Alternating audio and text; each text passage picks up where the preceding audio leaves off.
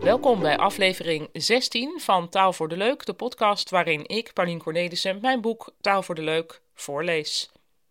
Hehe. Ik hoorde van iemand dat het einde in zicht is als je jezelf begint te betrappen op het maken van kreunende en steunende geluiden bij bewegingen. Dat je als je opstaat uit je luie stoel zegt of als je de boodschappentassen op tafel zet. Stel dat moment zo lang mogelijk uit, luidde het onheilspellend. Deze verordening gaat ervan uit dat het maken van zucht- en steungeluiden te vermijden is. Dat is misschien ook wel zo. Op televisie zie je zelden iemand die niest, terwijl niezen voelt als de meest onvermijdelijke reflex die we hebben. Niezen is blijkbaar situatieafhankelijk. Gekreun en gesteun is dus op een onbewust niveau een keuze. En heeft deze keuze ook een functie? Ik denk het wel. Neem hehe, een uitspraak die je nergens anders hoort dan in Nederland, maar hier dan weer zo vaak dat het lijkt alsof wij ook namens de rest van de wereld hehe zeggen. Hehe, even zitten.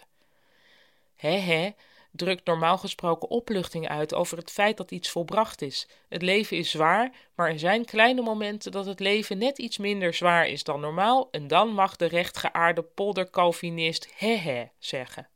Maar laatst hoorde ik een voor mij nieuwe vorm van hehe. Er moest een kast verplaatst worden. Die kast was te zwaar en degene die het moest doen had er moeite mee.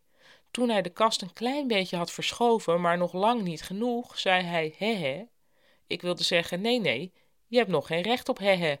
Maar toen zag ik wat dit was. Een hehe om zichzelf ervan te overtuigen dat er ooit wel verlichting zou komen.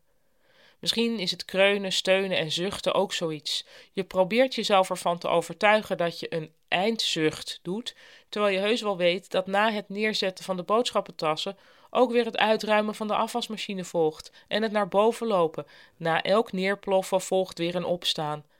Tot je allerlaatste neerplof. Ja, nee. Regelmatig hoor ik mezelf zeggen: ja, nee, inderdaad. Of ja, nee, ja, dat moeten we doen. Ja, inderdaad zou volstaan. Een enthousiast ja, ja kan ook. Dus wat doet die nee er dan tussen? Er wordt toch niets ontkend? Ook bij anderen hoor ik deze drieslag vaak langskomen. Persoon 1. Elke keer als er een nuttige winkel in de stad verdwijnt, bijvoorbeeld een ijzerwinkel, dan komt er een koffietentje voor in de plaats. Belachelijk. Persoon 2. Ja, nee, inderdaad. Persoon 2 is het ten volste eens met persoon 1. Nee is hier niet bedoeld om iets te ontkennen, maar eerder om de uitspraak kracht bij te zetten.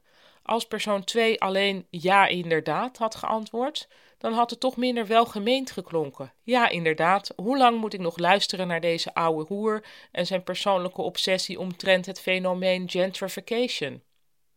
Waarschijnlijk ben ik er het snelste vanaf als ik het gewoon beaam. Mhm, ja inderdaad. De vraag blijft waarom juist nee de instemming extra kracht geeft.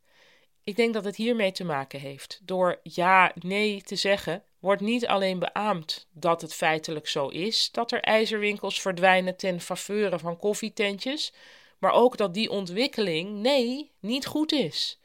Nee gaat mee in het negatieve gevoel en ja beantwoordt de feitelijke vraag.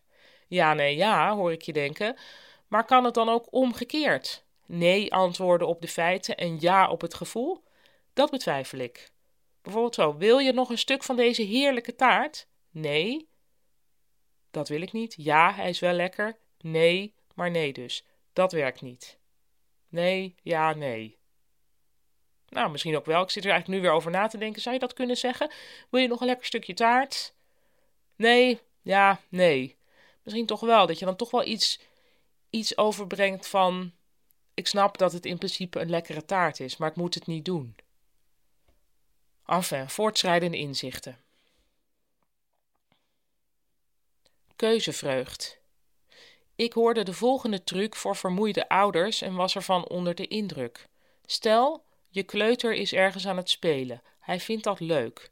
Toch kom je hem ophalen, want thuis staan de vissticks alweer bijna op tafel. Als je zegt we gaan nu, dan wordt de kleuter boos. Wat je dus tegen de kleuter moet zeggen is dit: Wil je nu meteen weg? Of, en hier een enthousiaste toon aanslaan, Wil je nog vijf minuten blijven spelen? Nog vijf minuten blijven spelen, roept de kleuter enthousiast. Hij heeft iets gekregen, namelijk vijf minuten, die anders waren opgegaan aan een woedeaanval. Ouders die ik over deze truc vertel, zeggen soms enthousiast: Oh, dat ga ik doen. En soms blasé: Zo zit mijn hele opvoeding in elkaar. Er schijnen mensen ten onder te gaan aan keuzestress, maar over het algemeen worden kinderen en volwassenen blij van de mogelijkheid tot kiezen. Wij hebben keuzevreugd en daarbij hebben we niet door dat de keuze vaak al voor ons gemaakt is. Als je iemand vraagt: wil je een boterham met kaas of een tosti? Dan wil diegene de tosti.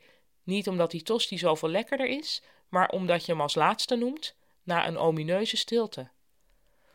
De mensen die destijds met Geert Wilders in een zaaltje stonden te skanderen, wilden vast echt minder Marokkanen, daar niet van. Maar het was geen toeval dat Wilders de keuze zo stelde: meer of minder. Normaal gesproken bied je namelijk eerst de minste mogelijkheid aan om daarna uit te pakken. Wil je één of twee bolletjes ijs? Stel je een diapositieve Geert voor, iemand die in alles het omgekeerde is van Wilders. Zij heeft een gezellige bos zwart haar, een Gronings accent en een gulle lach en ze vindt hoe meer culturen, hoe meer vreugd. Als diapositief Geert ons wil opzwepen, roept zij: Willen jullie minder Marokkanen? Of meer? Nou, meer, meer, meer, roepen wij haar na. Los van of we dit vinden, antwoorden we braaf wat we aangeboden krijgen. De lettergreepregel. Er bestaan mensen die alles zelf willen maken, ook het gereedschap waarmee ze weer andere dingen kunnen maken. Ik las een artikel over een vreugdeloze gemeenschap in Amerika die zich tot doel had gesteld op deze manier zelfvoorzienend te zijn. Ze moesten bijvoorbeeld hun eigen tractor bouwen, maar dat konden ze niet. Roest en modder, dat kwam ervan. Uiteindelijk ligt een deel van ons geluk in het erkennen van wat we niet kunnen. Ik kan veel niet. Voor vrijwel alle klusgerelateerde dingen moet ik iemand inhuren. Als je eenmaal hebt erkend dat je niet alles kunt, zit je met de vervolgvraag: hoe ver ga je? Welke taken laat je anderen oplossen en voor welke taken mag je een mooi nieuw apparaat aanschaffen? Heb jij een ijsmachine? vroeg een vriendin. Nee, natuurlijk, ijs. Dat laten we anderen opknappen. Maar aan de andere kant, ik kan er niet tegen als mensen voorgeraspte citroenschil kopen. Dat doe je toch zelf? Hierover nadenkend kwam ik tot een simpele regel die ik de lettergreepregel heb genoemd. Hij gaat zo. Als het apparaat dat je wilt hebben één lettergreep heeft, dan mag je het sowieso aanschaffen en gebruiken. Denk aan mes, rasp, plank, boor. Basiswoorden voor basisgereedschap. Twee lettergrepen is ook geen probleem. Garde, mixer, hamer, bijtel. Bij drie lettergrepen is het duidelijk. Komt de lettergreep tot drie, doe het dan maar liever niet, luidt het gezegde. Dus de broodmachine onnodig. Ga dan maar artisanaal kneden met je zelfgekweekte gistcultuur. IJsmachine? Ha, natuurlijk niet. Koop ijs bij iemand met een Italiaanse achternaam. Bladblazer? Nee. Decoupeerzaag? Nee. De enige drie lettergreep waar je een uitzondering voor mag maken is de telefoon. Die moet.